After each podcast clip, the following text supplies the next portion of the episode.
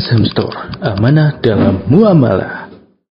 Maka dia akan mendapatkan apa yang dia cari dan siapa yang berpaling dari jalannya dia tidak akan menemukan apa yang dia cari. Jadi tiap-tiap cita-cita, tiap-tiap keinginan itu pasti ada jalan masing-masing. Tidak mungkin seseorang misalnya bercita-cita menjadi seorang dokter, kemudian dia mengambil jalannya para montir misalnya. Atau dia menginginkan untuk menjadi seorang yang alim, tapi dia mengambil jalan untuk menjadi seorang dokter. Maka ini jelas tidak tidak nyambung.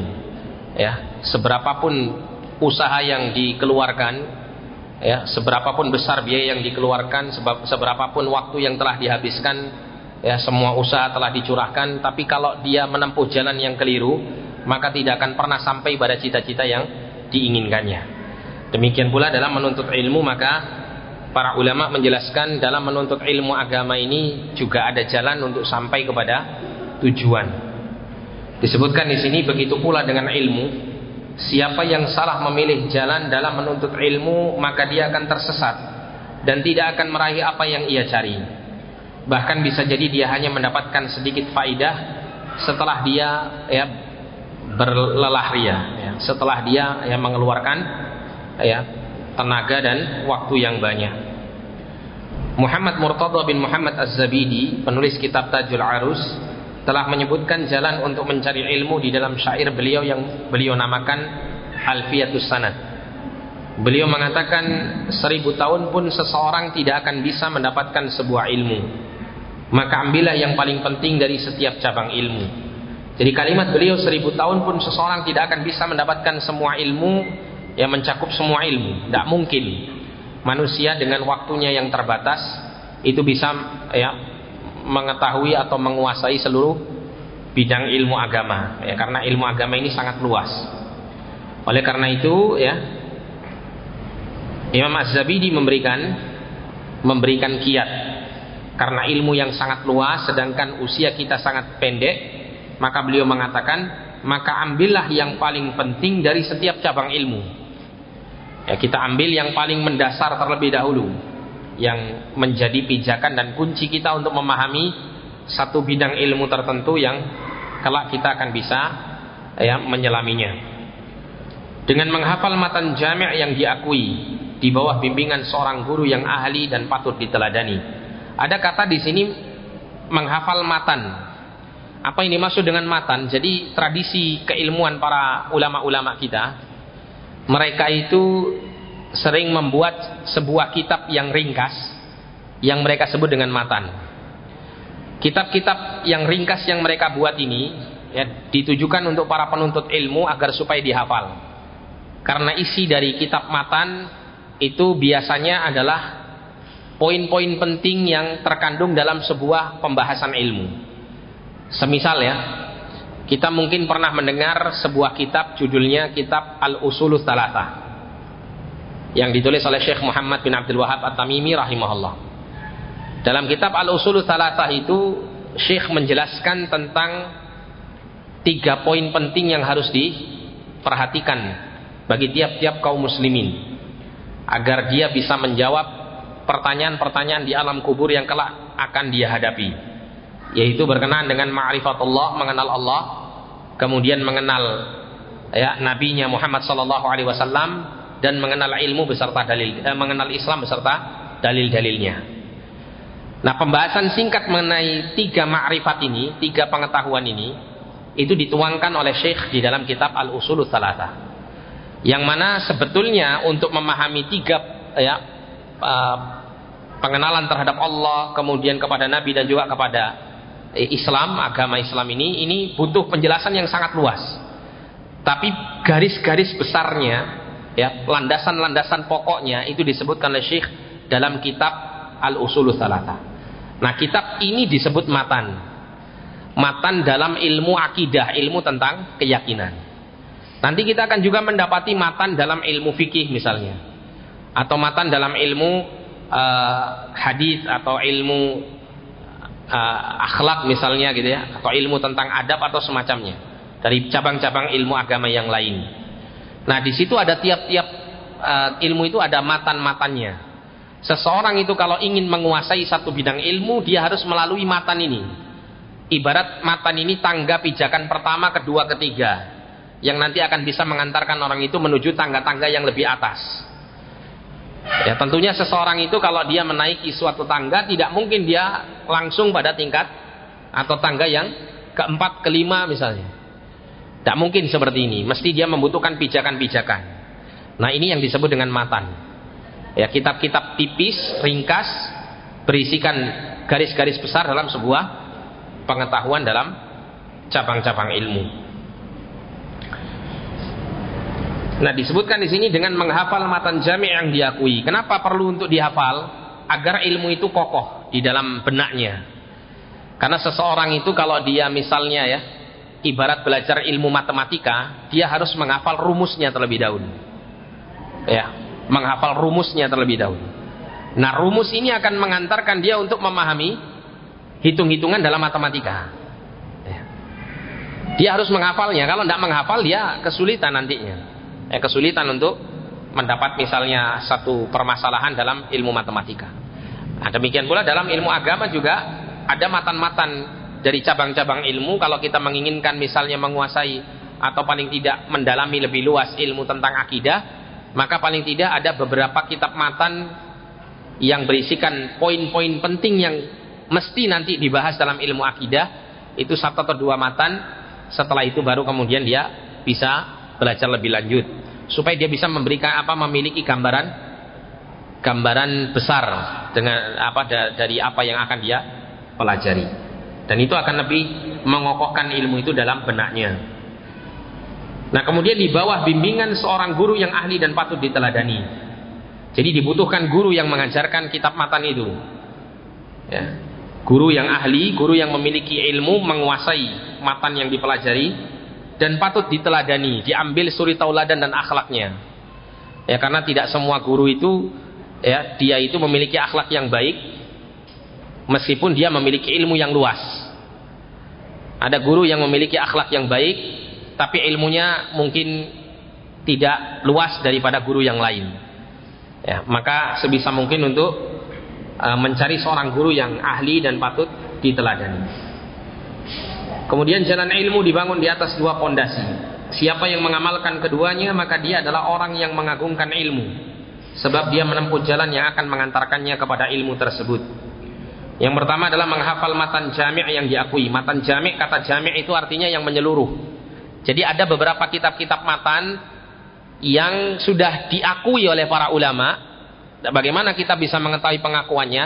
Dari populernya kitab matan itu sehingga kemudian dipelajari oleh banyak para penuntut ilmu. Ya, banyaknya ilmu uh, atau matan ya yang dipelajari dalam suatu ilmu tersebut maka ini menunjukkan bahwa matan itu di, diakui. Kemudian yang kedua harus bersifat jami'. Jami' itu sifatnya menyeluruh. Menyeluruh. Meskipun hanya sekedar garis-garis besarnya saja, tapi tidak meluput meluputkan dari apa? garis atau poin-poin yang penting yang seharusnya dipelajari dalam sebuah bidang ilmu. Itu tidak hilang. Ya disebutkan meskipun hanya garis-garis besarnya. Ya. Sehingga dengan itu seorang penuntut ilmu akan lebih mudah untuk mendalami satu bidang ilmu dengan dibekali oleh hafalan matan yang bersifat menyeluruhi. Hafalan merupakan keharusan bagi seorang penuntut ilmu jika dia mengira dirinya bisa meraih ilmu tanpa menghafal, maka sejatinya dia sedang mencari sebuah kemustahilan. Dan matan yang dihafal adalah matan yang mencakup banyak masalah dan diakui oleh para ulama. Ya, jadi menghafal uh, ilmu itu kuncinya adalah dengan menghafal matan. Oleh karena itu para ulama memiliki ungkapan man hafizal mutun hazal, hazal funun. man hafizal mutun hazal funun. Ya, mereka mengatakan barang siapa yang menghafalkan matan-matan ilmu ini, maka dia akan bisa menguasai berbagai macam bidang ilmu. Ya, berbagai macam bidang bidang ilmu. Kemudian yang kedua di bawah bimbingan guru yang ahli. Ambillah pemahaman ilmu kepada seorang guru yang memiliki dua sifat berikut. Yang pertama adalah ahli dan menguasai ilmu. Yaitu seorang yang dikenal dengan ketekunannya menuntut ilmu sampai pada tingkatan penguasaan ilmu sehingga dia memiliki keahlian pada bidangnya. Ya, jangan kemudian kita mengangkat guru yang tidak dikenal dia sebagai penuntut ilmu, tidak pernah mengambil apa namanya jalan untuk menuntut ilmu, tidak pernah tahu gurunya siapa, tiba-tiba muncul dia sebagai seorang alim misalnya. Ya, tidak dikenal dia dulu pernah belajar ya dan memiliki riwayat belajar. Ya, maka yang seperti ini uh, tidak menjadi guru yang direkomendasikan untuk mengambil ilmu darinya. Hal ini berdasarkan hadis Rasulullah Sallallahu Alaihi Wasallam diriwayatkan oleh Abu Dawud dan sahabat Ibnu Abbas. Tasma'una wa yusma'u minkum wa yusma'u mimman sami'a minkum. Kalian mendengarkan ya ilmu ini dariku wahai para sahabat, kemudian orang setelahnya mengambil ilmu dari kalian dan kemudian orang setelahnya mengambil ilmu dari murid kalian. Artinya ilmu ini diturunkan. Oleh karena itu Nabi tadi eh, kita sempat sampaikan sebuah hadis. Eh, Nabi mengatakan eh, al ilmu itu adalah apa? Warathatul anbiya, warisan dari para nabi. Yang disebut dengan warisan itu akan senantiasa diturunkan ya terus menerus dari generasi ke generasi. Ya. Oleh karena itu ilmu itu bukan kemudian rokyu ya, pikiran pendapat dari akal dan semacamnya tapi ilmu itu adalah maqalallah wa qala rasul kemudian apa? dipahami oleh para sahabat Nabi yang benar-benar memahami Al-Quran nah sunnah karena Quran dan sunnah itu turun di masa mereka ya. ilmu itu sesuatu yang bersifat estafet harus terus diturun diturunkan Kemudian makna hadis ini dilihat dari keumuman lafadznya, bukan dari orang yang diajak bicara. Dan telah menjadi aturan baku menuntut ilmu pada umat ini, yaitu satu generasi mengambil ilmu dari generasi sebelumnya. Kemudian yang kedua yaitu guru tersebut bisa membimbing murid-muridnya dan sifat ini terpenuhi ketika seorang guru memiliki dua sifat. Yang pertama adalah pantas dijadikan sebagai teladan dan panutan dalam tingkah lakunya. Kenapa guru itu diperlukan untuk uh, memberikan atau uh, seseorang penuntut ilmu itu diperlukan untuk memperhatikan guru ya.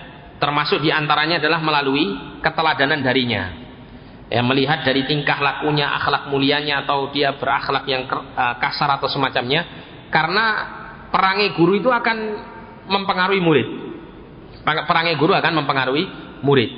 Ketika murid-murid ini belajar dengan guru yang keras misalnya ya maka nanti murid pun juga tidak jauh beda keadaan karakternya Ya, ketika seorang murid misalnya belajar kepada guru yang sabar, yang telaten, ya, yang kemudian apa namanya semangat dalam mengajarkan ilmu dan mempelajarinya, maka teladan-teladan yang baik ini akan mempengaruhi betul kepada murid-murid mereka. Ya. Oleh karena itu kemudian poin pertama ini e, dari poin kedua ya, seorang guru itu harus pantas dijadikan sebagai teladan dan panutan dalam tingkah lakunya. Ini adalah sebuah poin yang penting untuk kita perhatikan. Kemudian yang kedua menguasai metode-metode pengajaran. Ya, pandai dalam mengajar, kemudian mengetahui apa yang cocok untuk diajarkan kepada muridnya dan apa yang tidak. Ya karena ilmu itu sifatnya tadarruj ya, bertahap. Ya, dan seorang guru harus ngerti kapasitas masing-masing muridnya atau paling tidak secara umum bahwa muridnya ini cocok uh, level ilmu yang sekian yang harus dipelajari oleh mereka. Ya, termasuk juga berusaha seorang guru ini bisa memahamkan ilmu ini dengan baik kepada murid-muridnya supaya murid ini benar-benar bisa mengambil faidah dan manfaat dari darinya. Sesuai dengan metode pengajaran yang telah dijelaskan oleh Asy-Syatibi dalam kitabnya Al-Muwafaqat. Jadi kitab Al-Muwafaqat uh, Al-Imam Asy-Syatibi ya, menjelaskan beberapa poin-poin penting mengenai pengajaran ilmiah. Namun ini tidak tidak kita bahas ya pada kesempatan yang mulia ini. Baik, kemudian kiat yang keenam yaitu mempelajari cabang-cabang ilmu dengan mendahulukan yang terpenting. Ibnu Jauzi mengatakan di dalam kitabnya Sayyidul Khatir mengumpulkan semua cabang ilmu adalah hal yang terpuji. Ya, maksudnya apa di sini? Seseorang kalau dia memiliki semangat, kemudian memiliki kemampuan, untuk mempelajari semua bidang ilmu agama, maka dia jangan kemudian apa? mencukupkan diri dengan satu atau dua bidang ilmu agama tertentu. Tapi hendaklah dia bersemangat untuk meraup semuanya. Kalau ini memiliki kemampuan. Tapi kalau seseorang itu ketika melihat kapasitas dirinya dia belum mampu untuk mempelajari semua bidang ilmu agama, maka dia ambil yang paling penting. Apa yang paling penting yang bersifat fardu ain untuknya? Bersifat wajib secara individu untuk masing-masing orang. Dengan cara dia berusaha untuk mempelajari ilmu yang sangat dia perlukan untuk dirinya. Ya semisal masalah akidah masalah ibadah yang wajib. Ya kemudian juga uh, berkenaan dengan keadaan dirinya. Dia sebagai misalnya berprofesi sebagai uh, seorang pedagang tadi seperti saya contohkan ya apa kebutuhan seorang pedagang berkenaan dengan agama ini. Nah itu dipelajari olehnya kemudian disebutkan di sini pelajarilah ilmu di setiap cabangnya jangan sampai tidak tahu. Orang mulia adalah orang yang memahami banyak hal. Ini ini penekanan kepada para penuntut ilmu ya yang benar-benar uh, memenuhi waktunya dengan belajar ilmu agama. Hendaklah dia berusaha untuk menguasai semua bidang ilmu meskipun hanya berkaitan dengan dasar-dasar ilmu itu. Ya berkaitan dengan dasar-dasarnya. Nah nanti ketika dia mendapati ada sebuah ilmu yang dia ini cenderung kepadanya misalnya saya kok cenderung dengan ilmu hadis Nah setelah dia menguasai cabang-cabang ilmu yang bersifat dasar, maka dia kemudian boleh mengambil ilmu hadis ini untuk dia lebih perdalam. Atau misalnya saya kok cocoknya dengan Al-Quran misalnya, dengan tafsir atau dengan kiroat atau dengan ya ilmu-ilmu tentang Al-Quran, nah maka dia kemudian apa? Mengambil secara khusus dan mendalam untuk memahami satu bidang ilmu tersebut. Tapi semua bidang-bidang ilmu ini secara mendasar hendaklah dia pelajari. Syekh dari guru-guru kami yaitu Syekh Muhammad bin Mani' mengatakan dalam kitab Irsyadut Tullab seseorang yang tahu bahwa dirinya memiliki kompetensi untuk mempelajari berbagai cabang ilmu tidak pantas meninggalkan salah satu cabang ilmu yang bermanfaat baginya dalam memahami Al-Quran dan As-Sunnah. Begitu pula seorang penuntut ilmu tidak boleh mencela ilmu yang tidak dia pahami lalu merendahkan ahlinya. Karena ini adalah bentuk kekurangan dari sifat yang hina, adab yang tidak baik. Ya, ketika misalnya ya, ada seseorang dia dikenal spesialisasi dalam bidang akidah tapi tidak memiliki spesialisasi dalam bidang ilmu tafsir misalnya atau dalam bidang ilmu Al-Quran maka jangan kemudian yang ahli akidah ini mencela orang-orang yang ahli Al-Quran ini ya, dengan mengatakan bahwa wah, ilmu akidah ini ilmu yang paling utama ya nggak ada yang bisa mengalahkan ilmu akidah ya, akhirnya terus meremehkan yang lainnya atau meremehkan ahli fikih misalnya Ya. Ini tidak dibenarkan karena masing-masing saling melengkapi, masing-masing ya mereka mengemban ya, amanah ilmiah yang wajib untuk disampaikan kepada umat ya. Selama mereka adalah benar-benar ya uh, dikenal sebagai penuntut ilmu dan uh, memiliki penguasaan ilmu uh, pada bidang-bidang tertentu maka kita wajib untuk ya menghormatinya ya beradab bersama mereka. Ya selamat tentunya Pak di atas manhaj yang selamat, ya akidah yang selamat. Karena ini yang paling penting. Namun tidak boleh saling saling merendahkan satu dengan dengan yang lain. Orang yang berakal akan berbicara dengan ilmu dan diam dengan penuh ketenangan. Jika tidak demikian, dia akan menjadi seperti yang dikatakan penyair. Ada kabar bahwa Sahal mencela karena kebodohannya.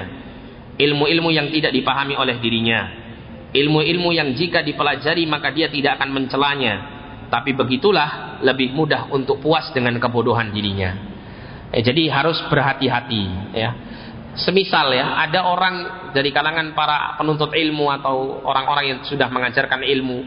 Misalnya dia di, uh, dikenal sebagai ahli fikih tapi tidak dikenal sebagai ahli tafsir. Ketika mungkin terjadi sedikit perbedaan antara si ahli fikih ini dengan si ahli tafsir ini dalam perkara-perkara khilafiyah yang dibenarkan. Perkara-perkara khilafiyah yang dibolehkan maksud saya. Ya yang bersifat uh, tidak sampai pada prinsip-prinsip pokok agama masalah-masalah cabang-cabang ilmu agama. Maka jangan si ahli fikih mencela si ahli tafsir atau si ahli tafsir mencela si ahli fikih. Misalnya si ahli fikih mengatakan wah dia kan mufasir atau dia kan cuma sekedar ngerti tafsir Quran saja dia nggak memiliki ya pengetahuan tentang kaidah-kaidah fikih atau tentang ilmu usul fikih misalnya sehingga tidak bisa memunculkan satu pendapat yang kokoh Si ahli tafsir misalnya mengatakan, nah dia nggak ngerti tafsir Quran, nggak tahu kaidah-kaidah dalam ilmu tafsir Quran gitu. Ya sehingga dia keliru dalam masalah ini dan seterusnya. Ya dengan saling apa?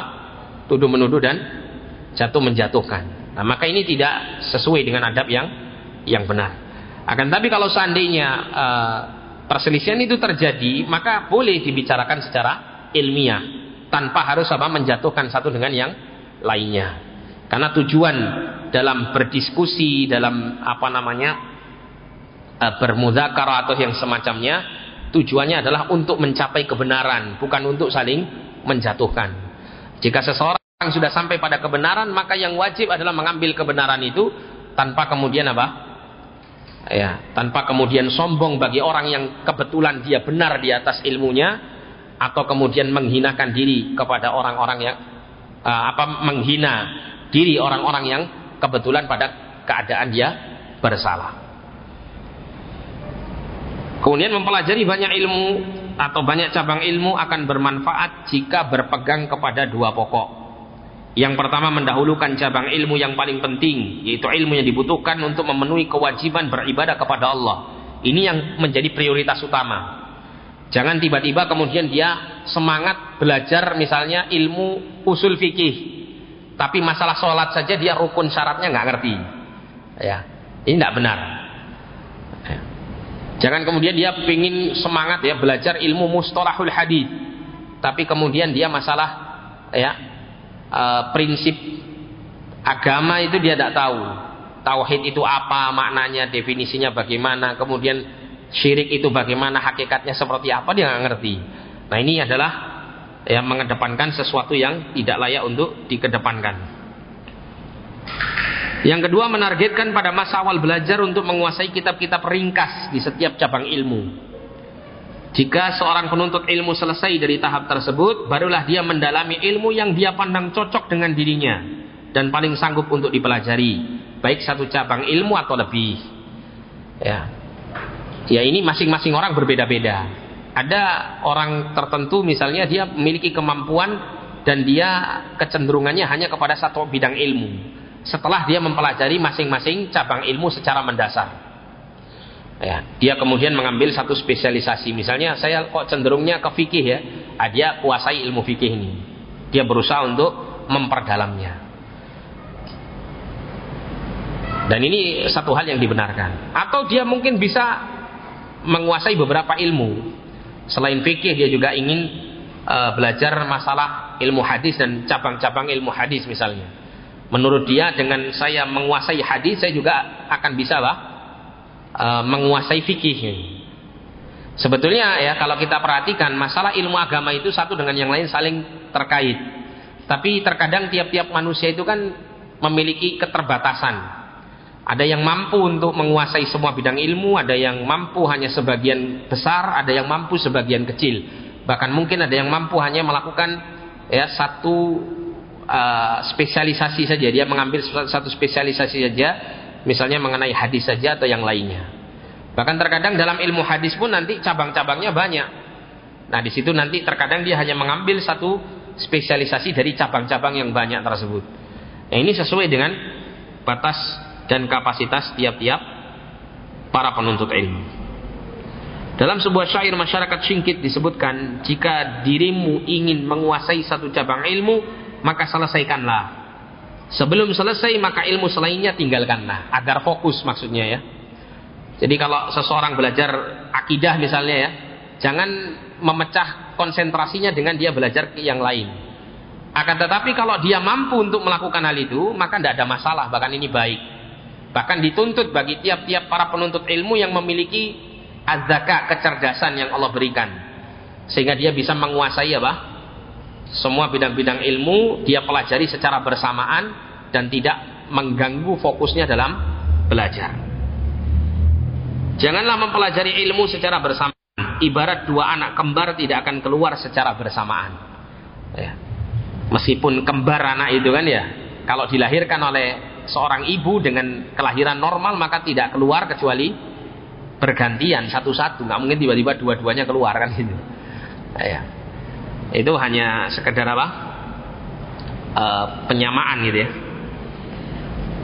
Namun siapa yang mengetahui bahwa dirinya mampu mempelajari banyak disiplin ilmu dalam satu waktu, silahkan dia lakukan. Ini merupakan pengecualian dari keadaan manusia pada umumnya. Ya, contohnya seperti Al-Imam An-Nawawi rahimahullah, dulu ketika beliau menjadi penuntut ilmu, beliau dalam satu hari itu bisa menghadiri 12 majelis. 12 majelis ilmu dalam satu harinya. Dan itu bukan sekedar duduk kemudian jiping ngaji sama kuping saja gitu ya. Tapi dia catat, kemudian dia bandingkan, Misalnya dia mendapati satu dalil dia bandingkan dengan uh, pengetahuan dia terhadap dalil yang lain sehingga menghasilkan faidah baru dan seterusnya. Ya, tapi masing-masing orang sekali lagi memiliki perbedaan dalam hal ini. Baik, kemudian kiat yang ketujuh. Al-mubadaratu ila tahsilihi waqtinamu minas siba wasyabab belajar sejak dini serta mengoptimalkan masa muda. Jadi uh, poin ini ya, poin ketujuh ini ini bukan kemudian membatasi bahwa menuntut ilmu itu hanya diperuntukkan untuk para pemuda. Enggak. Tapi ketika mereka ya, para penuntut ilmu itu dalam kondisi dia masih muda, maka manfaatkan betul masa mudanya untuk meraih ilmu yang sebanyak-banyaknya. Ya, karena apa? Karena masa muda itu adalah masa yang paling gemilang untuk dia mendapat ilmu. Masa yang paling kuat untuk dia menghafal, masa yang paling eh, kuat untuk dia mengoptimalkan semua waktunya untuk belajar. Ya karena tidak diberikan oleh Allah eh, kesibukan-kesibukan yang yang banyak seperti layaknya orang-orang yang sudah sudah tua. Ya, entah karena apa namanya longgar karena tidak bekerja, atau belum berkeluarga gitu ya sehingga tidak perlu mengurusi keluarganya atau kesibukan-kesibukan yang lain ya maka karena waktu luang ya bagi pemuda ini sangat penting untuk dimaksimalkan uh, untuk belajar belum lagi dari sisi kemampuan intelijensianya ya kekuatan dia menghafal kekuatan dia untuk memahami dan seterusnya itu lebih optimal daripada orang-orang yang sudah ya usia usia tua. Imam Ahmad rahimahullah mengatakan, aku tidaklah mempermisalkan masa muda kecuali seperti sesuatu yang ada di lengan bajuku lalu dia jatuh. Maksudnya apa di sini? Maksudnya adalah masa muda itu sangat pendek. Oleh karena itu banyak ya orang-orang yang sudah masuk usia tua, mereka itu kemudian merasa menyesal. Seakan-akan masa mudanya itu lewat begitu saja dan ketika lewat tanpa ada satupun ilmu yang terbawa dari masa muda ini. Ya. Itu akan menjadi sebuah penyesalan yang besar bagi orang yang memang benar-benar mengagungkan ilmu. Ya. Kenapa dulu saya kok nggak belajar bahasa Arab? Kenapa kok saya dulu nggak ngerti ini, kok nggak ngerti itu nih? Kenapa saya kok baru ngerti itu di masa tua? Itu kadang-kadang muncul penyesalan. Ya, tapi itu lebih baik daripada sampai tua pun dia nggak sadar-sadar gitu ya. Ya, itu lebih baik. Dan jangan berkecil hati bagi orang-orang yang mungkin sudah usia tua. Kita tahu bahwasanya para sahabat Nabi radhiyallahu alaihi mereka mengenal Islam, mengenal Al-Qur'an, mengenal sunnah itu di usia mereka yang sudah tua. Ya, di usia mereka yang sudah sudah tua, bukan lagi anak-anak atau bahkan ya remaja. Mereka sudah tua. Tapi dengan semangat mereka maka mereka termasuk generasi unggulan. Ya. Oleh karena itu sebetulnya menuntut ilmu itu tidak dibatasi oleh usia ya. Baik tua maupun muda itu bisa. Peluang untuk dia sukses dalam menuntut ilmu itu bisa. Bahkan ada seorang alim itu yang mulai belajar start belajarnya itu usia 40 tahun. Ada yang baru usia 50 eh, 60 tahun baru belajar dan mereka sukses. Jadi seorang alim yang sampai sekarang itu dikenal nama-nama mereka. Ya. Seperti ada seorang bernama Ais bin Abdus Salam. Itu beliau ya belajarnya di usia tua karena usia mudanya habis untuk mempelajari ilmu yang gak manfaat. Ilmu-ilmu filsafat, ilmu kalam dan semacamnya. Ya, tapi ketika ditanya tentang masalah hukum head, dia nggak ngerti. Sehingga dia berpikir bahwa sekian puluh tahun aku menghabiskan masa mudaku belajar ilmu yang gak ada manfaatnya ternyata. Ditanya tentang satu permasalahan sederhana, saya nggak bisa. Maka akhirnya kemudian dia ya, menyibukkan belajar ilmu agama. Karena semangatnya yang besar, karena dia merasa banyak ketertinggalan maka dia pun bisa mencapai ya, kedudukan seperti layaknya kedudukan para ulama yang lain Sampai beliau kemudian diberikan julukan Sultanul Ulama, rajanya para ala ulama. Usianya sudah tua. Ya. Bahkan saya pernah membaca sebuah kitab, sebuah kitab tentang uh, pemanfaatan waktu yang bagus. Itu uh, penulis kitab tersebut, Syekh uh, penulis kitab tersebut menjelaskan bahwa beliau ini memiliki kawan. Kawannya beliau ini mulai serius belajar agama itu sudah tua. Tapi karena keseriusannya dia bisa sampai gelar doktor dalam masalah bidang agama. Ya. Padahal dia sudah usianya tua. Bahkan kalau antum misalnya ya e, diberi kesempatan oleh Allah Subhanahu wa taala bisa mengunjungi kota Madinah atau kota Mekah. Ya, di sana itu ada namanya Ma'had Al-Haram. Ma'had Masjidil Haram ya. Yang mana di Ma'had Al-Haram itu tingkatannya sampai paling tinggi kalau tidak salah S1 saja. Mulai dari e, dasar ya, kemudian SMP SMA itu ada terus kemudian uh, perguruan tinggi S1 ya.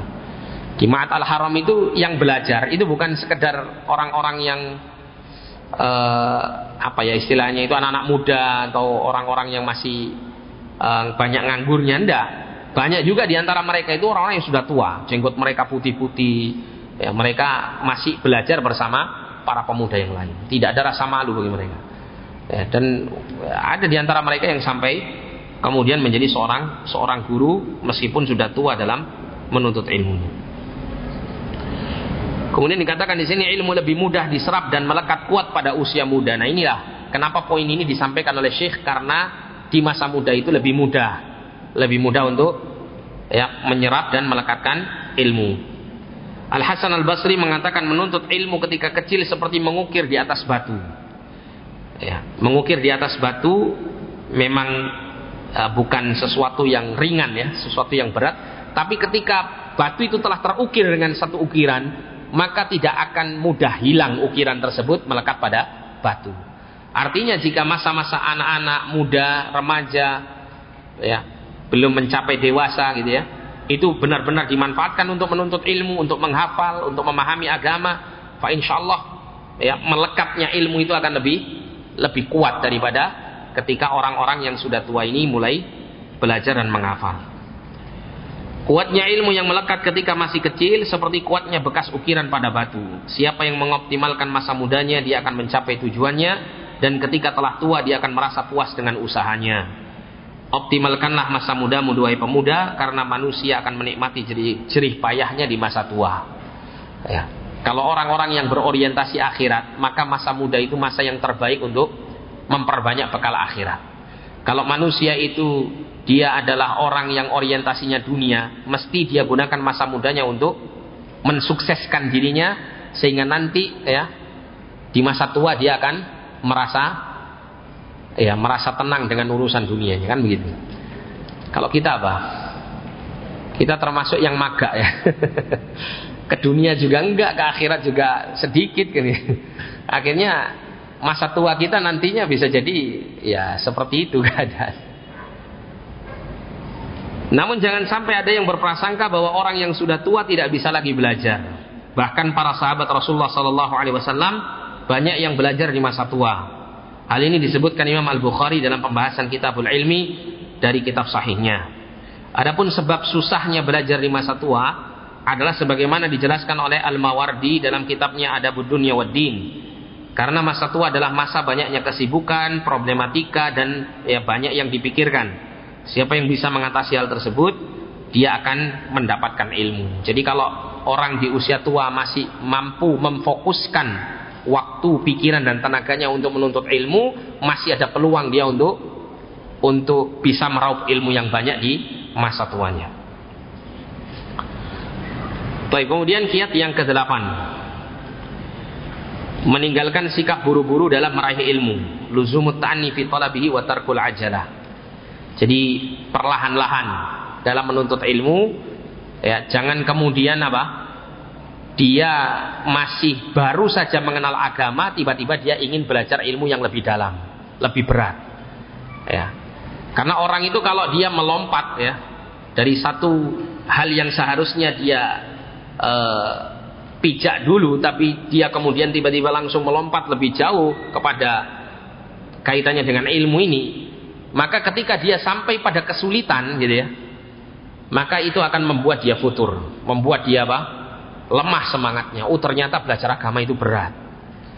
Kenapa? Karena dia langsung mengambil yang berat. Padahal sebetulnya dia bisa mengambil yang ringan-ringan terlebih dahulu. Ya, mungkin untuk menghafal. Katakanlah dia ingin menghafal Al-Qur'an, dia bisa ambil yang ringan-ringan dulu. Dia hafalkan dulu juz 30. Ya. Jangan langsung ambil surah Al-Baqarah apalagi langsung target satu hari tiga lembar ya. Ya, padahal dia nggak pernah ngapal Quran sama sekali.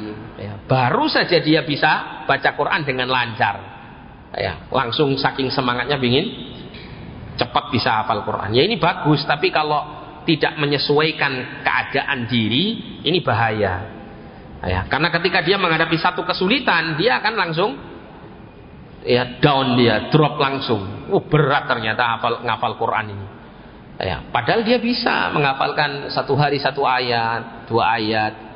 Ya, mulai dari juz amma dulu, terus kemudian berlanjut kepada ya, juz-juz yang lebih ringan gitu ya.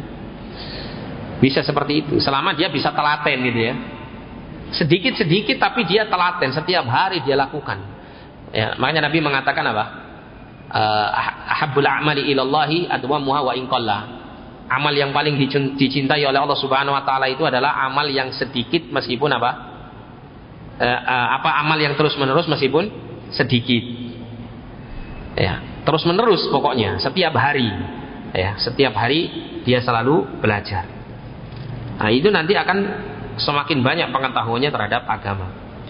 Syekh mengatakan ilmu tidak bisa dikuasai sekaligus sebab hati tidak akan sanggup. Ilmu itu berat bagaikan beratnya batu saat dibawa. Allah berfirman, "Inna sanulqi 'alaika qawlan thaqila." Allah mengatakan, "Kami akan mewahyukan kepadamu perkataan yang berat," yaitu maksudnya adalah Al-Qur'an. Jika Allah menyifati Al-Qur'an dengan perkataan yang berat, padahal Al-Quran ini sudah dimudahkan semudah-mudahnya oleh Allah. Sebagaimana Allah mengatakan walaqad yassarna al-Qur'ana lidzikri. Sungguh kami telah memudahkan Al-Qur'an ini untuk ya, dihafal, diingat, diambil pelajarannya. Ya. Lalu bagaimanakah dengan ilmu yang lainnya? Ya, ilmu yang lainnya yang tidak diringankan oleh Allah Subhanahu taala. Maka tentunya ya berat. Inilah hikmah diturunkannya Al-Quran berangsur-angsur berdasarkan keadaan dan kejadian yang dialami oleh Rasulullah Sallallahu Alaihi Wasallam. Allah Subhanahu Wa Taala berfirman, "Wa qala alladziina kafaru laula nuzzila alaihi al-Qur'anu jumlatan wahidah." Dan orang-orang kafir yang mengatakan, Kenapa Al-Quran itu tidak diturunkan kepada Muhammad Sallallahu Alaihi Wasallam jumlatan wahidah sekali turun saja satu Quran langsung diturunkan kepada Nabi Sallallahu Alaihi Wasallam dalam satu hari. Ya. Maka Allah katakan hikmahnya, kadzalika linutsabbita bihi fuadak. Yang demikian itu agar supaya kami mengokohkan hatimu wahai Muhammad sallallahu alaihi wasallam. Ya. Jadi mengokohkan hati di atas ilmu ini. Ilmu ini supaya benar-benar apa? Menancap betul, kokoh betul dalam hati.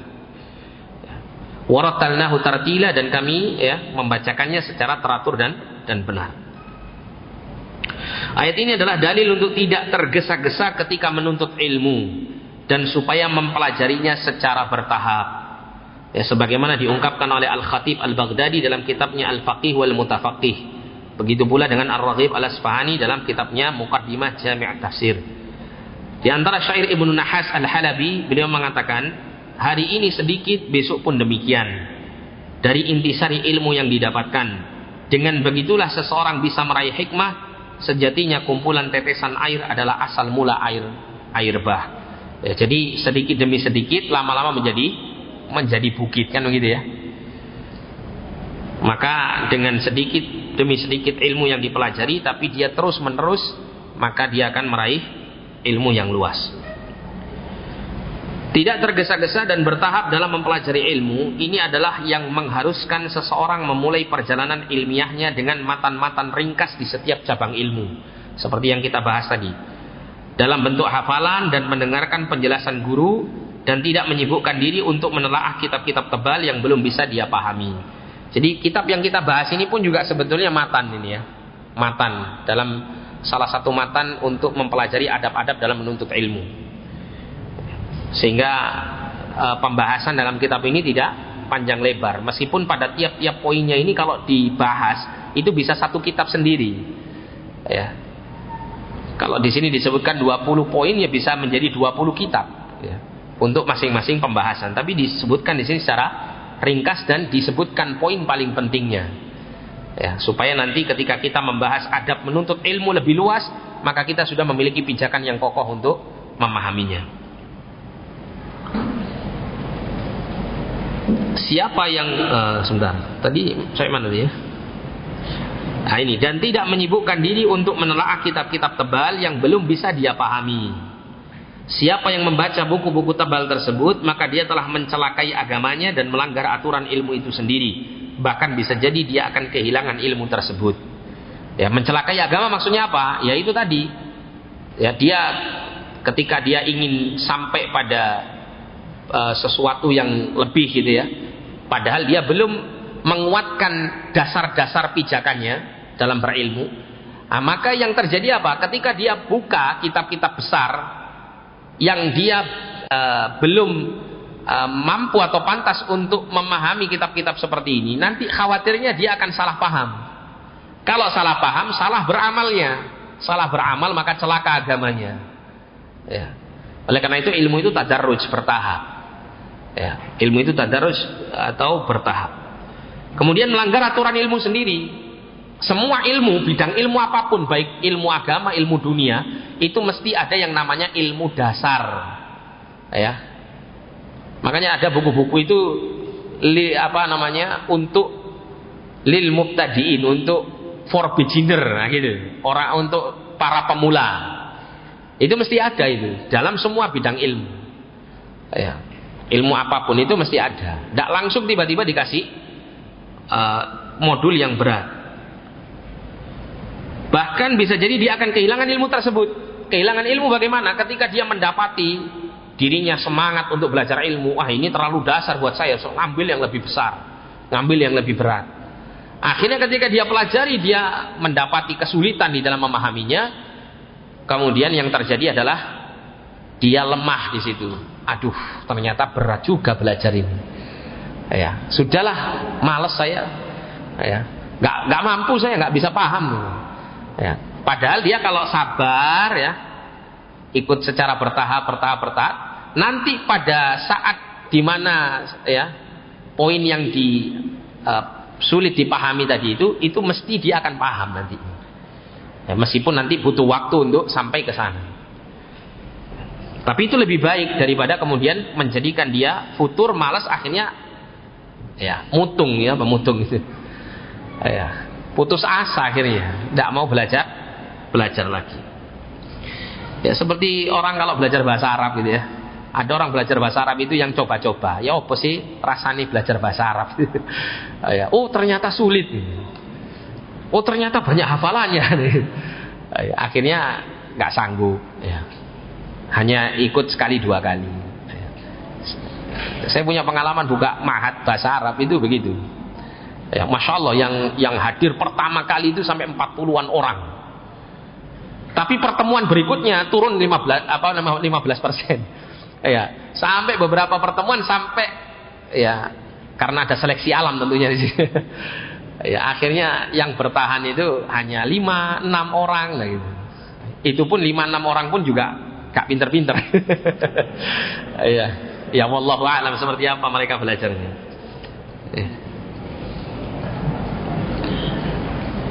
Di antara perkataan penuh hikmah yang pernah dituturkan oleh Abdul Karim Ar-Rifai, salah seorang ulama Damaskus pada abad sebelumnya adalah makanan orang dewasa adalah racun bagi anak bayi. Ya, meskipun itu makanan-makanan ya lezat dan bergizi, tapi kalau diberikan kepada bayi yang belum mampu mencerna makanan itu jelas untuk bayi ini sebagai racun bahaya untuk bayi ya bayi yang masih nyusu ke ibunya misal gitu ya dikasih soto ya bahaya gitu. Padahal soto itu enak buat kita kan gitu ya. Enak buat kita tapi untuk bayi ya jelas berbahaya. Baik, yang kesembilan. Sabar dalam belajar dan mengajar.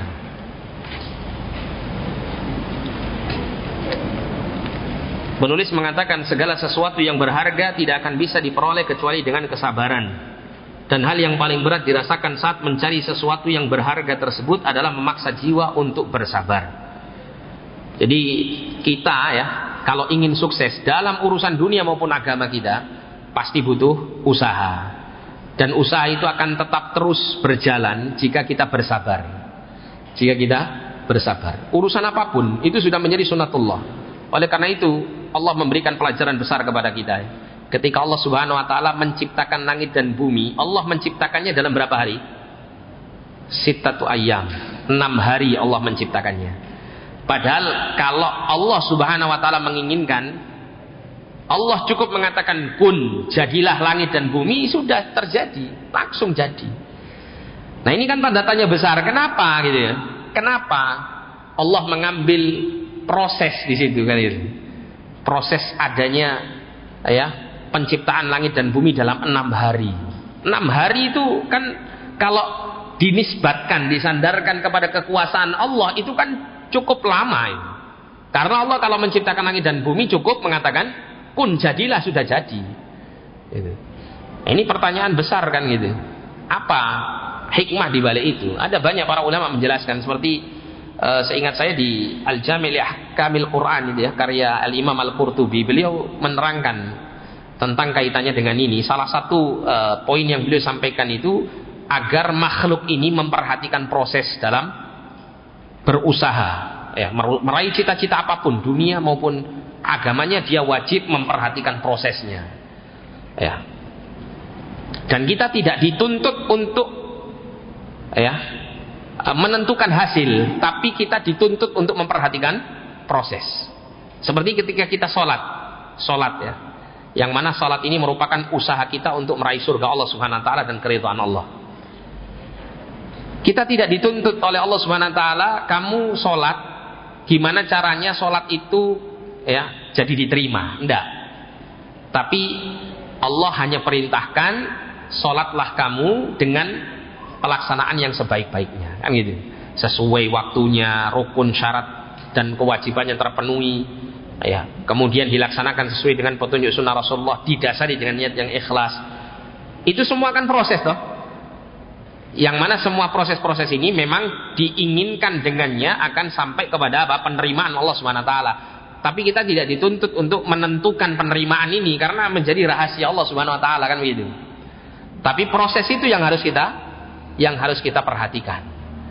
Ya, sama ya dalam semua perkara termasuk dalam menuntut ilmu kita juga perlu untuk memperhatikan proses. Salah satu proses yang harus ditempuh dalam menuntut ilmu itu adalah mendasari usaha menuntut ilmu ini dengan dengan sabar. Allah berfirman ya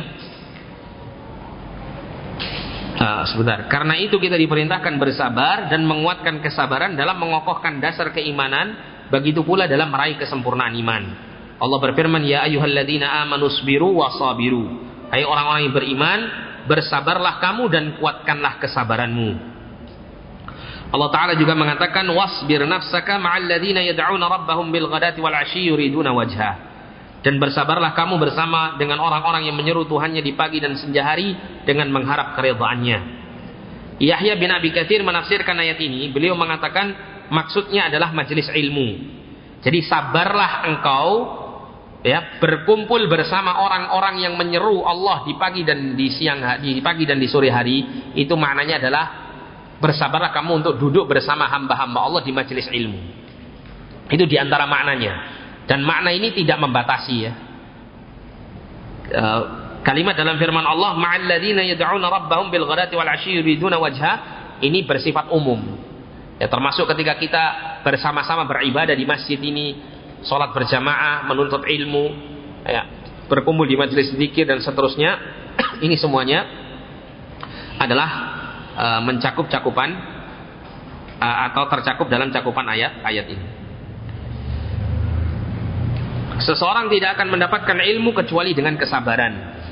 Yahya bin Abi Katsir juga pernah mengatakan ilmu tidak akan didapatkan dengan ya birohatil jismi dengan uh, membuat santai tubuhnya.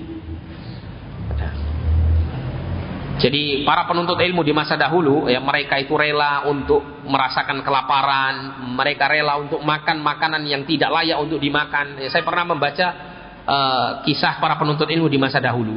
Mereka tidak memiliki uang untuk makan. Akhirnya mereka itu mencari sisa-sisa makanan yang telah dibuang di tempat sampah. Mereka menemukan sayur-sayur yang sudah rusak, yang telah dibuang, itu mereka makan. Ya, mereka makan. Bahkan ada di antara mereka itu yang makan ikan yang sudah busuk. Ya, sampai seperti itu keadaan mereka. Bahkan Abu Hurairah radhiyallahu an seorang sahabat yang mulazamahnya dengan Nabi Shallallahu alaihi wasallam selama kurang lebih tiga tahun. Yang kemudian ya atas keberkahan doanya Nabi Shallallahu alaihi wasallam dan juga kesungguhan Abu Hurairah dalam menuntut ilmu, maka beliaulah orang yang banyak meriwayatkan hadis dari Nabi Shallallahu alaihi wasallam. Abu Hurairah itu pernah merasakan lapar yang sangat, bahkan pernah Abu Hurairah itu bergulung-gulung di atas tanah yang disangka oleh sahabat yang lain bahwa pada saat itu dia dalam keadaan kesurupan. Padahal Abu Hurairah ini ya bergulung-gulung di atas tanah karena kelaparan yang sangat, gak kuat ya menahan laparnya. Abu Hurairah ini berkumpul bersama ahlu sufa ya, di pelataran Masjid Nabawi yang mana mereka bisa mendapatkan makanan jika para sahabat itu memberikan sebagian makanan mereka kepada kepada ahlu sufahin. Sampai demikiannya mereka mengejar kemuliaan di sisi Allah SWT melalui tolabul ilmi ini. Ya, sampai mereka uh, berkorban ya dengan semua yang mereka miliki dan termasuk juga dengan semua keadaan mereka untuk mendapatkan kemuliaan ini. Hanya dengan bersabar seseorang bisa keluar dari kubang kejahilan dan dengan bersabar pula lah kelezatan ilmu itu bisa dirasakan. Awalnya orang menuntut ilmu itu berat. Di majelis ilmu dia ngantuk, Kemudian apa lagi? Ngelamun, kepikiran orang yang di rumah, gitu ya, kepikiran kerjaannya, kepikiran tugas-tugasnya, gitu. Banyak hal yang dirasakan pada saat menuntut ilmu. Tapi kalau dia terus sabar di situ ya, terus dia bersabar, dia berusaha menceburkan diri dalam dunia ilmu ini, gitu maka lambat laun dia akan merasakan kelezatannya. Ya, orang kalau sudah merasakan kelezatan ilmu itu, seperti yang saya sampaikan tadi, sampai rumah pun dia korbankan. Punya istri empat, gak pernah disentuh gara-gara terlalu sering nyentuh nyentuh kitab. Nah gitu. Saking besarnya kelezatan ilmu yang dirasakan oleh mereka. Ya. Tapi ini kayaknya sulit ya level ini untuk sampai. Tapi minimal lah ya kita ke sana lah arahnya gitu. Meskipun nggak nggak sampai ke sana. Makanya tadi kita perlu cita-cita tinggi, meskipun apa? Kita nggak sampai pada cita-cita itu, paling tidak jatuhnya nggak jauh-jauh amat dari cita-cita yang kita targetkan kan gitu. Tapi ya jangan gur jadi cita-cita kan gitu. Jangan hanya jadi cita-cita, tapi harus ya termotivasi untuk beramal. Jadi sabar dalam ilmu itu ada dua tahapan. Yang pertama sabar saat mencari ilmu. Sabar saat mencari ilmu. Sebab menghafal, memahami ilmu dan hadir di majelis ilmu itu butuh kesabaran. Ya begitu pula dalam menunaikan hak sang guru. Apalagi kalau gurunya ini misalnya keras gitu ya. Gurunya tipikalnya keras. Ya. Nah, maka dia harus sabar. Kalau dulu mungkin bapak-bapak yang sudah sepuh di sini mungkin dulu ketika belajar ngaji, baca Quran, mungkin menemukan ada guru-guru yang luar biasa. Bawa kayu menjalin atau apa gitu ya tidak bisa dipukul. Dulu saya waktu SD saya masih ingat guru saya itu dulu lulusan gontor. Jadi salah satu pondok yang dulu pernah dikenal termasuk uh, keras untuk memberikan hukuman ke santri-santrinya. Jadi pernah saya uh, guru saya itu selalu kalau menghukum itu hukumannya ya lumayan berat. Kalau nggak ngerjakan PR itu saya dipukul paha saya ini dengan penggaris kayu yang besar. Itu bagian bagian ininya pak. Ini bagian apa? Ya tepinya ini.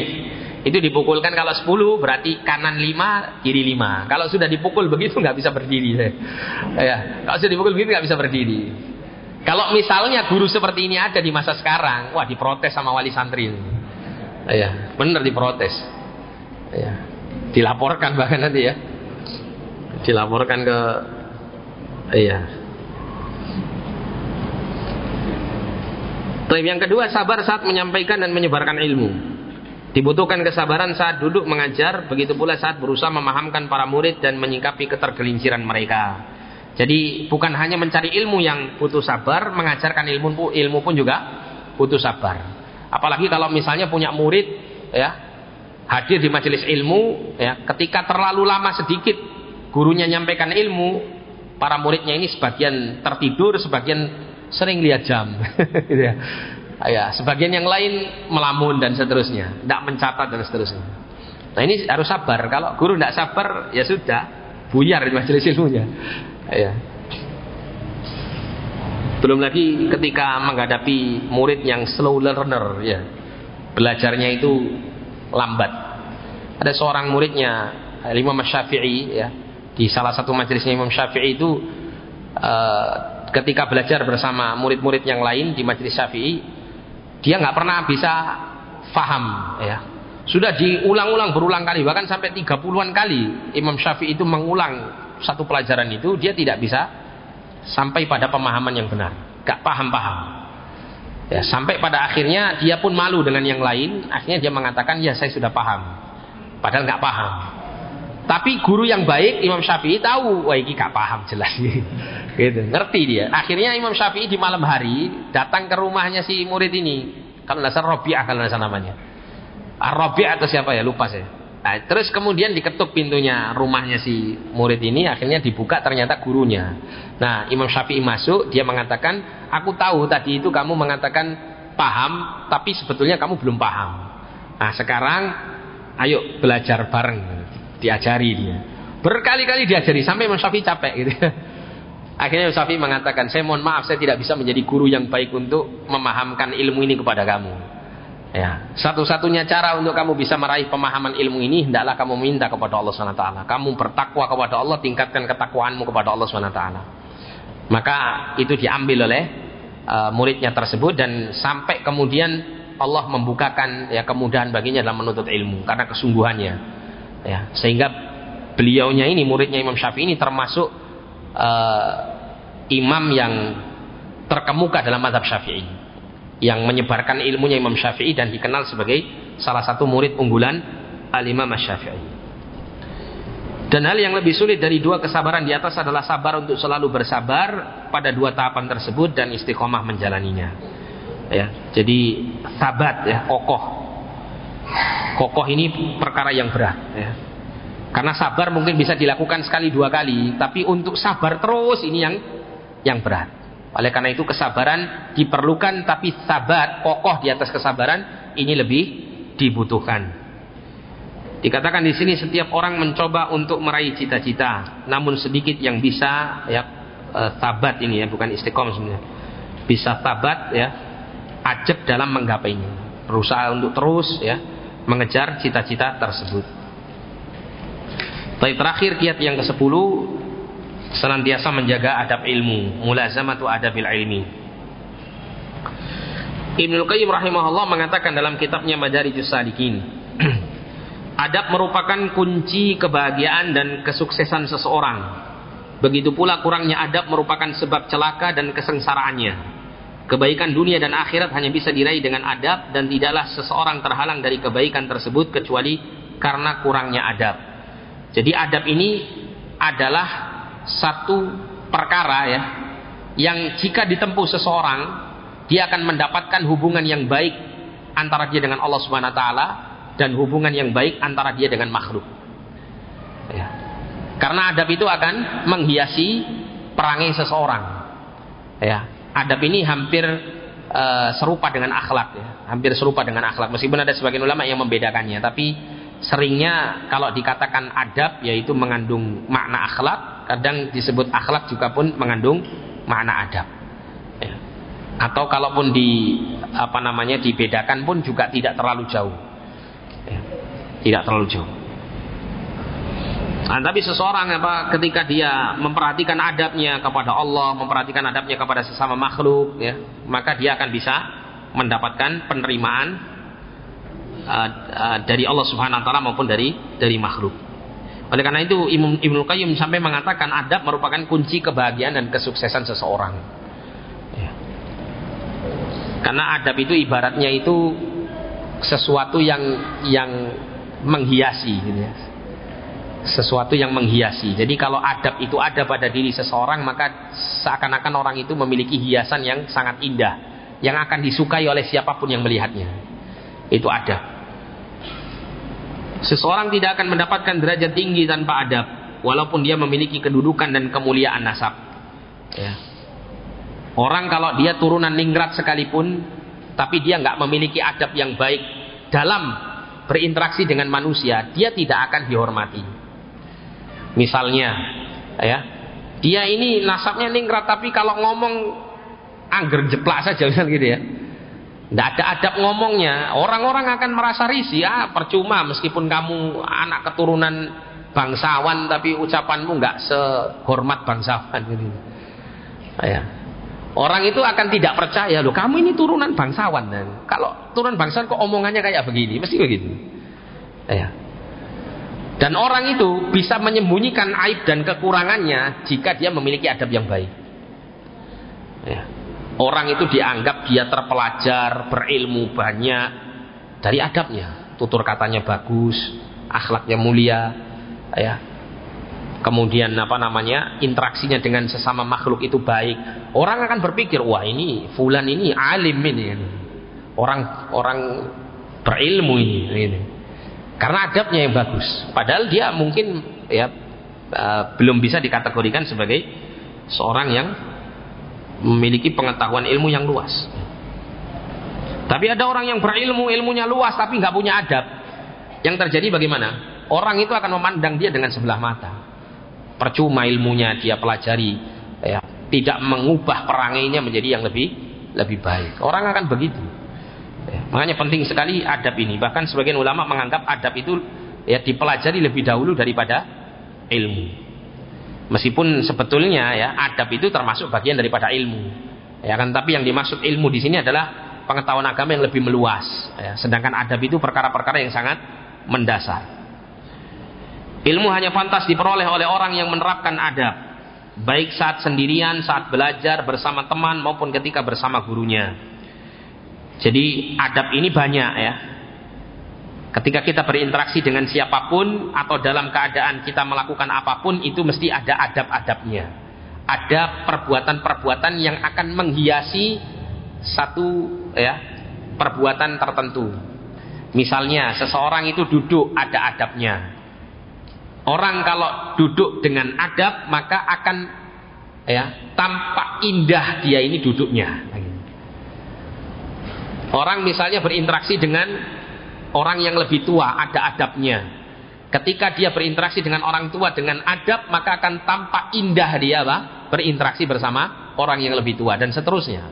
Termasuk juga murid kepada guru, guru kepada murid. Ini semua juga ada adab-adab masing-masing. Yusuf bin Hussein mengatakan, dengan beradab engkau akan memahami ilmu.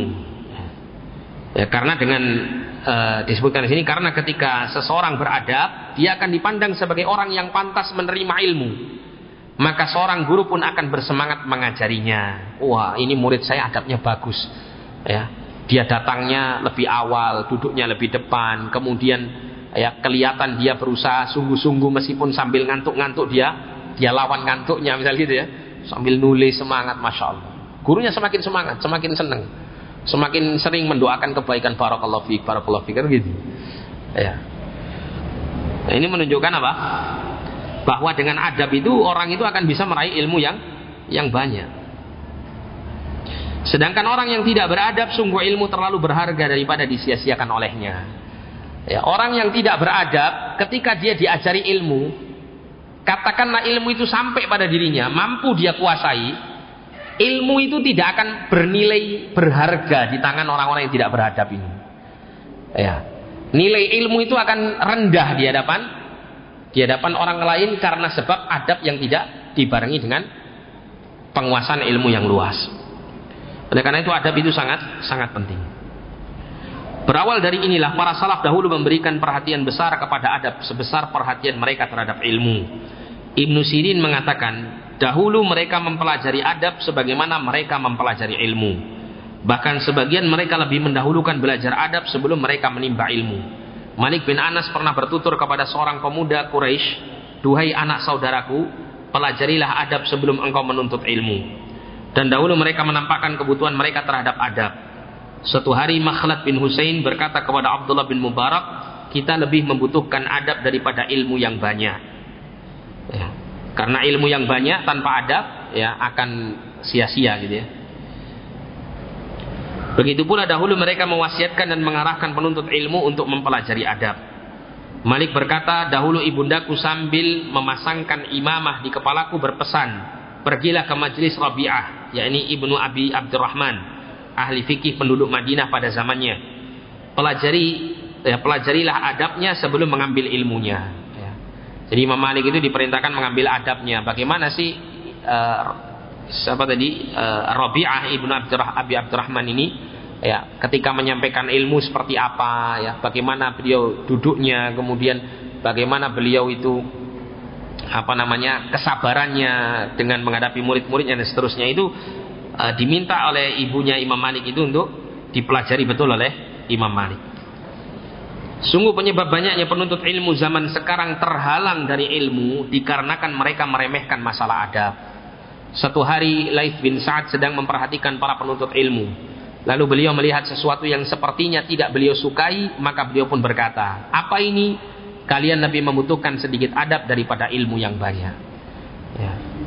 Lalu apa yang akan dikatakan oleh Laif ya, apabila melihat keadaan para penuntut ilmu di, di zaman sekarang? Ya. Jadi ini berkenaan dengan pentingnya adab.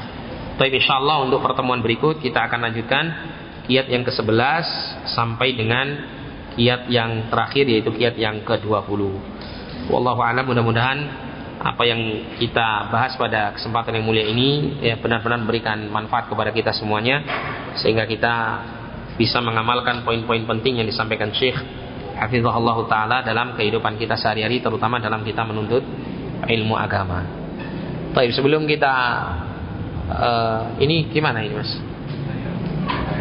Oh iya. Pertanyaan dari saya atau dari Hah? Pertanyaan dari jamaah atau dari saya? Oh, dari dua-duanya. Tapi saya tanya dulu ya, ini ada hadiah kutip kecil. Pertanyaan. Tolong sebutkan dari lima, lima eh sepuluh ya, sepuluh yang kita pelajari tadi, tiga saja dari poin penting yang disampaikan oleh Syekh berkenaan dengan makit atau simpul-simpul pengagungan pengagungan ilmu. Tiga saja, tidak pakai lihat kitab. Ya silakan.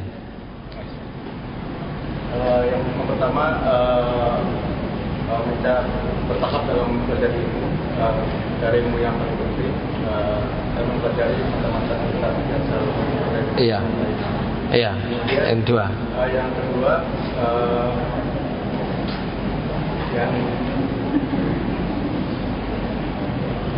uh, yang kedua Tidak boleh lihat kitab ya. Gimana? Yang kedua, yang kedua. Fadal Mas. Yang kedua. Bertekad kuat, ya. Terus kurang dua. Yang ketiga.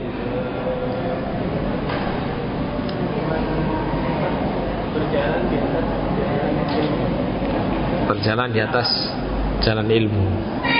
Ya, ya, Allah, Allah. Ayo coba yang selain ini ya, selain dua ini. Ya, ayo Mas. Sebentar. Optimal masa muda. Masa muda, terus. Bersabar dalam mengajar. Bersabar dalam belajar dan mengajar, ya. Beradab, ya, Allah. Nah. Ayo Mas. Ah, Mas. Mensucikan wadahnya. Apa wadahnya? Wadahnya ilmu. Iya, wadahnya ilmu apa? Hati. Ya. Ikhlas dalam menuntut ilmu terus. Terakhir, mempelajari cabang-cabang ilmu dari yang paling dibutuhkan dari mana? Sudah tadi. Oh, itu uh, Kelas satu. Sudah belajar adab. Ayo. Apa yang belum?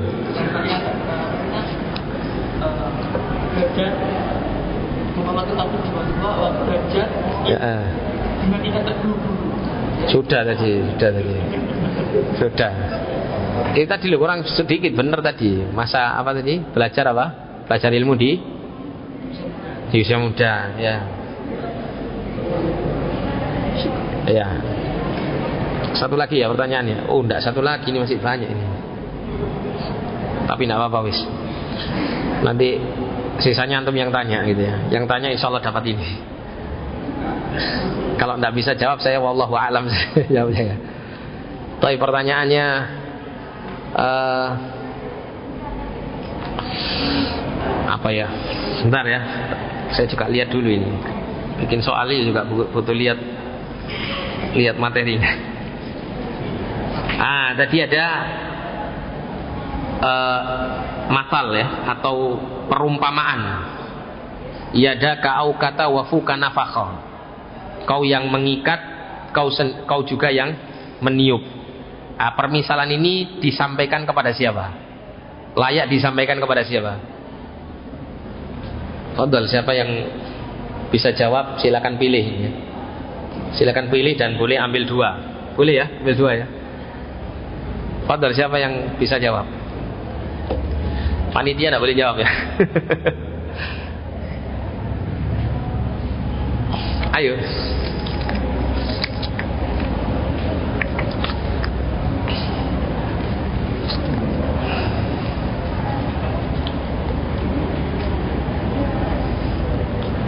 Tadi itu awal-awal itu ya.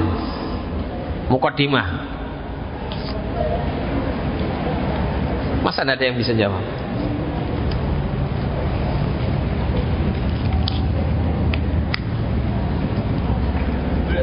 Hah? Gimana? Boleh double? Tidak apa ya? Ya. Iya, iya, penafsirannya bisa. Satu apa namanya? Satu itu itu jangan menyalahkan diri sendiri, jangan menyalahkan Kurang tepat, kurang tepat. Permisalan ini diberikan kepada siapa? Eh. Diberikan kepada orang karena ketika dia uh, dia terjatuh dalam lubang mana dia sendiri buat. Maksudnya kayak Antum bikin peribahasa lagi nih. sudah, sudah. Ya. Gimana ya? uh, kurang lah, kurang kurang pas gitu, kurang pas. Tapi tidak apa-apa lah, usaha usaha yang jawab ini saya kasih ya, Fadl. Usaha jawab. Eh, ini Mas Mas Lutfi ya. Fadl ya. Ya. Iya, jadi permisalan seperti ini itu dicocoknya itu disampaikan kepada orang yang bagaimana. Gitu. Oh itu itu ceritanya itu ceritanya. Tapi orang yang bagaimana yang layak dapat permisalan seperti ini? Ya itu ceritanya, cerita dari terus kemudian munculnya peribahasa itu gitu. Orang Arab itu biasa membuat peribahasa itu kalau ada kronologi ceritanya dulu baru terus ya muncul ungkapan itu ini. Nah, tapi ungkapan ini layaknya diberikan ke siapa? Siapa mas? Ada yang tahu? Iya pak silakan. Orang yang tidak kurang pas pak, kurang pas. Iya belakang. Hah? Orang? Orang fasik bukan? Bukan. Iya silakan. Orang yang tergesa-gesa? Bukan, bukan. Iya. Bukan, bukan. Iya.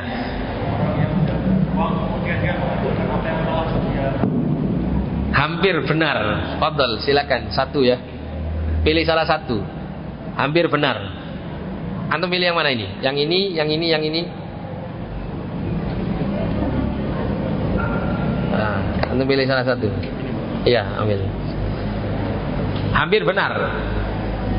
Gimana? Kalau benar-benar suruh apa saya suruh ngambil tiga tiga. Iya. Enggak, enggak. Itu contoh ya, contoh. Tapi juga enggak begitu, enggak begitu. Gimana? Apa? Yang tahu? Hampir benar tadi itu orang yang membangun bangunan terus merobohkannya sendiri ya. Iya, hampir benar. Kira-kira seperti apa di dibahasakan dengan bahasa yang bukan ini kan juga ngasih permisalan lagi nih ya. Penjelasannya bagaimana? Gimana Pak? Uh, bukan, bukan, bukan. Iya.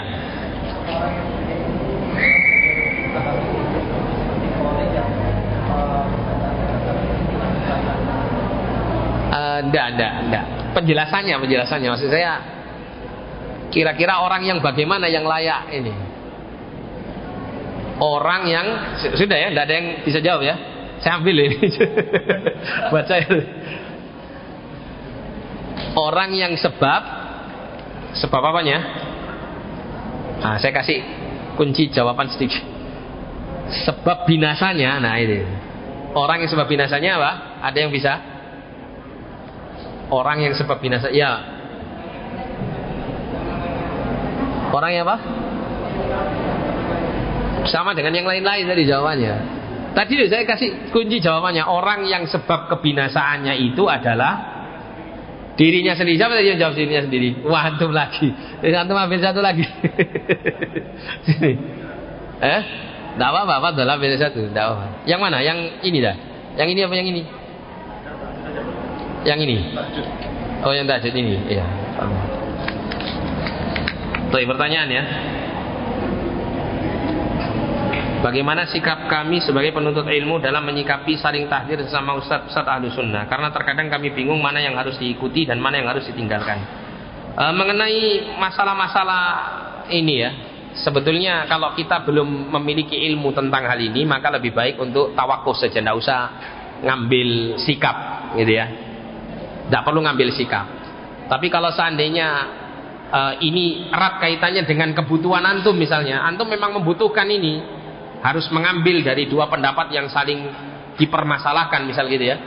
Maka antum lihat yang paling kuat dalilnya tapi tanpa harus men, me, menjatuhkan kehormatan ustadz yang lain yang mungkin berseberangan dengan apa yang antum yakini. Selama dia dikenal ya mensiarkan apa dakwah sunnah wal jamaah di tengah-tengah di tengah-tengah umat. Ya karena namanya manusia mesti ada salahnya ya mesti ada kesalahannya Ya, jadi jawaban singkatnya demikian. Ya, jawaban singkatnya demikian. Ini yang tanya siapa, Mas? Iya, silakan.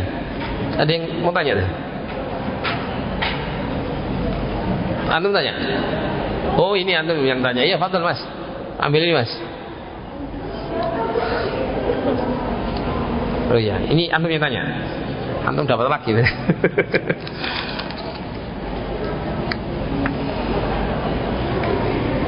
Bagaimana menasihati keluarga yang masih suka menonton film atau sinetron tapi sudah menuntut ilmu agama? Ya, diingatkan saja ilmunya gitu ya. Sampean kan sudah tahu kalau yang dilihat ini aurat, ini haram dan seterusnya. Ya, kalau bisa kan perlu ditinggalkan begini. Gitu saja mengingatkan kalau dia sudah mengerti bahwa yang dilakukan itu adalah perkara yang diharamkan. Ya, tidak perlu terus terlalu ngegas apa namanya haram hukumnya ini. Nanti jawaban dia mesti akan mengatakan iya aku sudah ngerti. Gitu. Tapi diingatkan dengan baik ya. Diingatkan dengan apa yang sudah dia ketahui. Ini kok ada duk-duk ini? Ada yang mau tanya? Oh iya iya. Iya silakan. Kalau yang ada mau ya, dari akhwat yang mau tanya silakan.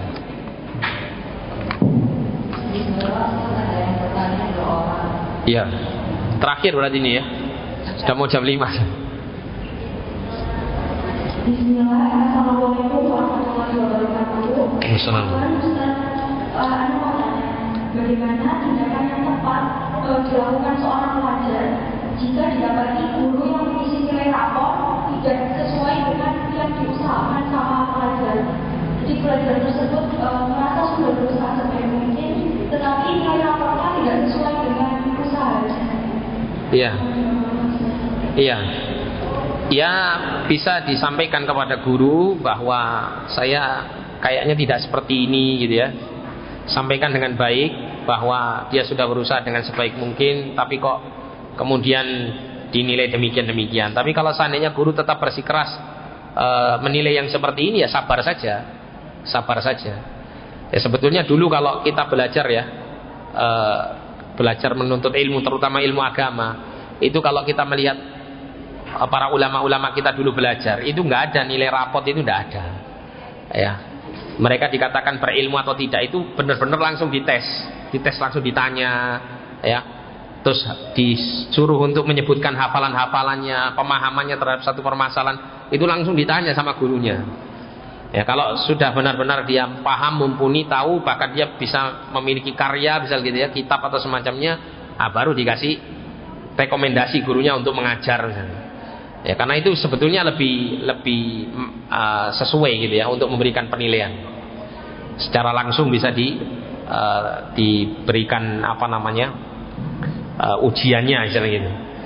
Ya, jadi bersabar saja, ya bersabar. Kalau memang setelah ya dia sampaikan kepada guru ini kok ternyata gurunya tetap bersikeras untuk memberikan penilaian seperti itu maka bersabar. Dan perlu untuk kembali menata niat bahwasanya belajar itu bukan untuk mendapat nilai rapot baik atau buruk tapi untuk mendapatkan ilmu yang bermanfaat sehingga bisa bermanfaat untuk dirinya dan orang-orang sekitarnya. Wallahu a'lam pertanyaan terakhir tadi katanya ada dua ya? Iya satu satu lagi. Bismillahirrahmanirrahim. Assalamualaikum warahmatullahi wabarakatuh. Assalamualaikum tentang poin yang halaman 23 ada dua syair masyarakat yang berduka. Jika dibuka informasi secara ilmu, maka setelah selesai, maka ilmu selainnya tidak dapat. Jika dikaitkan dengan sistem pendidikan di Indonesia, dengar saya. atau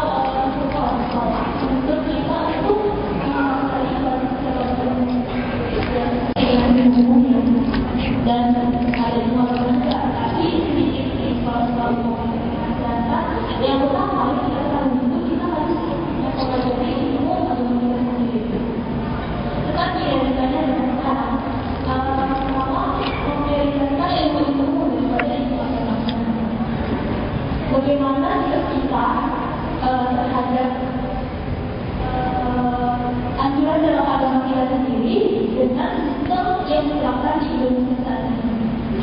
Apa tadi sistemnya? Sistemnya tadi. Sistemnya tadi apa? Ah, iya. Saya kurang kurang bisa menangkap tadi sistemnya yang disampaikan tadi. Intinya saja lah, ringkasnya gimana? Halo? Iya. Mengenai anjuran dalam agama atau yang disyariatkan oleh agama kita sendiri itu kita harus menguasai ilmu ilmu agama kita sendiri dengan bagus dan ya seperti dalam saya ini uh, kita diberi. Iya, iya, iya. Maka selainnya secara bersamaan mempelajari agama dan Iya. sikap kita untuk bisa lebih memahami perasaannya itu bagaimana ternyata kalau manusia itu berbeda ya ada yang cuma secara sini dan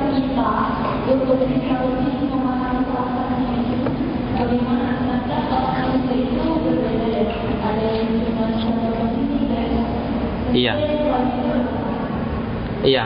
Kalau kita kembali ke metodologi para ulama-ulama terdahulu dalam uh, ilmu ya, dalam masalah uh, pembelajaran ilmu itu di jadi di masa dahulu itu ada namanya halakoh-halakoh majelis-majelis ilmu yang mana di situ tiap-tiap majelis itu diajarkan ilmu yang berbeda-beda. Sehingga tiap-tiap para penuntut ilmu itu akan bisa menyesuaikan dirinya. Saya ini ya uh, mungkin misalnya ya saya ini tingkatan pengetahuan saya terhadap agama ini rendah misalnya. Berarti saya harus mengambil halakoh yang di sana. Belajar tentang dasar-dasar ilmu Nanti ada yang sifatnya kelanjutan, halakohnya berbeda lagi di sana. Terus nanti kalau dia interest dengan ilmu Al-Quran misalnya, dia akan duduk di majelis halakoh yang satunya lagi. Nah itu nanti disesuaikan dengan masing-masing apa? murid. Ini kalau belajar ilmu agama di masa dahulu. Kalau di masa sekarang kan kemudian ada namanya jenjang universitas kan kalau uh, di universitas Islam ya, di, terutama di Timur Tengah atau yang menginduk di Timur Tengah itu biasanya uh, itu diberikan namanya spesialisasi meskipun tiap-tiap semua dasar ilmu agama diberikan. Contoh dulu saya ini uh, mengambil fakultas dakwah dan usuluddin. Maka nanti saya uh, waktu itu saya mendapatkan materi yang paling banyak mengenai akidah ya karena akidah termasuk usuluddin gitu ya, pokok agama. Terus kemudian mengenai dakwah, mengenai perkara-perkara yang mengenai dakwah, ada usul dakwah, ada macam-macam ya fikih dakwah dan seterusnya. Nah, termasuk hal-hal yang mendukung itu semuanya. Tapi kemudian bukan berarti saya tidak belajar fikih, saya tidak belajar uh, ilmu hadis atau ilmu-ilmu yang lainnya. Tetap saya pelajari tafsir pun juga ada. Ya, tapi apa namanya muatannya lebih banyak pada spesialisasi yang saya ambil sesuai dengan fakultas yang saya saya ambil. Nah, begitu. Kalau di masa sekarang, tapi kalau di masa dahulu itu menyesuaikan, tapi sebenarnya hampir sama gitu ya, hampir sama. Jadi mengambil majelis ilmu yang sifatnya dasar-dasar setelah itu dia ketika ingin lebih lanjut mendalami satu bidang ilmu maka dia bisa memilih satu majelis tertentu dalam pembahasan ilmu tertentu yang dia sukai atau yang dia lebih lebih cenderung ke sana atau dia bahkan bisa mendatangi beberapa majelis-majelis ilmu yang lain karena dia memang sangat eh, apa namanya ingin menguasai beberapa bidang bidang ilmu sesuai dengan kemampuannya. Nah itu yang yang yang sesuai ya menurut saya dengan dengan keadaan tiap-tiap para penuntut ilmu. Jadi itu majelis-majelis ilmu di masa dahulu. Ya. Nah kalau sekarang kita belajar di sekolah-sekolah atau semacamnya itu kan semua harus dipelajari, gitu kan? Ya semuanya harus dipelajari dan kemudian semuanya harus dikuasai, mulai juga ilmu dunia, ilmu agama. Nah ini bagaimana Ustadz ya prioritaskan mana yang paling utama saja. Dan sekali lagi jangan pernah berniat belajar itu untuk dapat nilai rapot, jangan. Atau dapat nilai yang baik. Tapi dasarilah belajar itu untuk menghilangkan kebodohan dari diri dan orang lain. Ini kalau diterapkan bukan hanya pada ilmu agama tapi juga ilmu dunia, itu akan membuat orang yang belajar ini enjoy.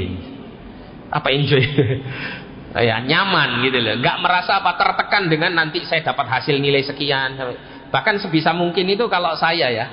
Kalau saya punya sekolah gitu ya saya bisa ngurusi sekolah itu sendiri. Saya nggak mau ngasih nilai nilai rapot sama murid itu nggak mau.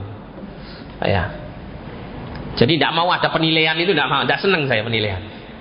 Karena apa? Karena supaya murid itu benar-benar murni belajar itu untuk kebutuhan dia bukan untuk ngejar ijazah atau ijazah, mengejar nilai. Saya masih uh, ingat sebuah kisah ya. Wallahu a'lam ini benar atau tidak, saya pernah mendengarkan Syekh Mukbil bin Haji Al-Wadi'i rahimahullah taala, seorang ulama dari Yaman. Beliau itu untuk memotivasi murid-muridnya pada saat itu murid-murid beliau itu ketika datang ke Yaman karena majelis ilmu beliau itu uh, sebuah markas ya, ma'had pesantren yang tidak mengeluarkan ijazah apa pun baik ijazah pesantren apalagi ijazah S1 tidak mengeluarkan apa pun. Nah itu murid-muridnya uh, Syekh Mukbil itu pada bertanya-tanya nah nanti kita gimana kalau tidak dapat ijazah ini akhirnya Syekh karena beliau dulu kuliahnya di Madinah sampai S2 beliau kemudian mengeluarkan syahadah beliau ijazah beliau. Beliau bakar di tengah-tengah murid-muridnya. Ijazah beliau S2 itu beliau bakar di depan murid-muridnya dengan tujuan supaya murid-muridnya nggak usah tanya masalah ijazah. Yang penting kamu belajar ilmu ini kamu ambil. Ya niatkan belajar itu fokus untuk dapat ilmu bukan untuk dapat ijazah. Ya. Kalau misal ya pendidikan kita itu seperti ini pak insya Allah luar biasa. Termasuk juga tiap-tiap murid tiap-tiap pelajar itu akan mempelajari ilmu yang sesuai dengan passionnya dia kan gitu ya.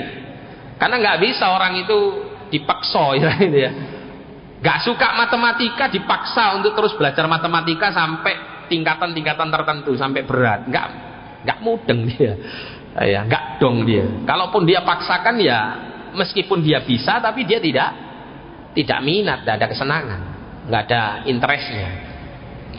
Tapi yang seneng matematika tapi nggak seneng ngapal-ngapal misal gitu ya. Nah itu di, diarahkan. Makanya ada satu pondok pesantren, salah satu ustadz kakak kelas kami di pondok dulu bikin ma'had itu berdasarkan fitrah katanya istilahnya itu gitu berbasis fitrah.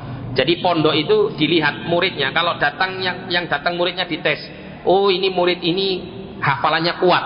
Berarti nanti diarahkan untuk menghafal Al-Quran menghafal kiroat ashroh itu ya. Itu diarahkan ke sana. Oh ini murid ini hafalannya nggak terlalu kuat tapi analisa dan pemahamannya tajam kuat. Wah ini dicetak jadi dai jadi ustadz diajarkan ilmu agama. Oh ini hafalannya nggak kuat, pemahamannya juga nggak bisa, gitu ya. Oh ini perlu jadi entrepreneur saja ini. Biasanya seneng dodolan ngomong ini, masukkan dan jualan. Begitu. Jadi disesuaikan, tapi tetap muatan ilmu agama yang dibutuhkan itu tetap diberikan. Ayah. Karena ilmu ini termasuk bagian dari kewajiban. Tapi saya kira cukup ya. Wallahu a'lam bishawab. Jazakumullah khairan wa barakallahu fikum. Kita tutup dengan doa kafaratul majelis. Subhanakallahumma wa bihamdika asyhadu an la ilaha illa anta astaghfiruka wa atubu ilaik. Sallallahu ala nabiyyina Muhammadin wa ala alihi wa sahbihi wasallam. Wa akhiru da'wana alhamdulillahi rabbil alamin wa minkum. Assalamualaikum warahmatullahi wabarakatuh.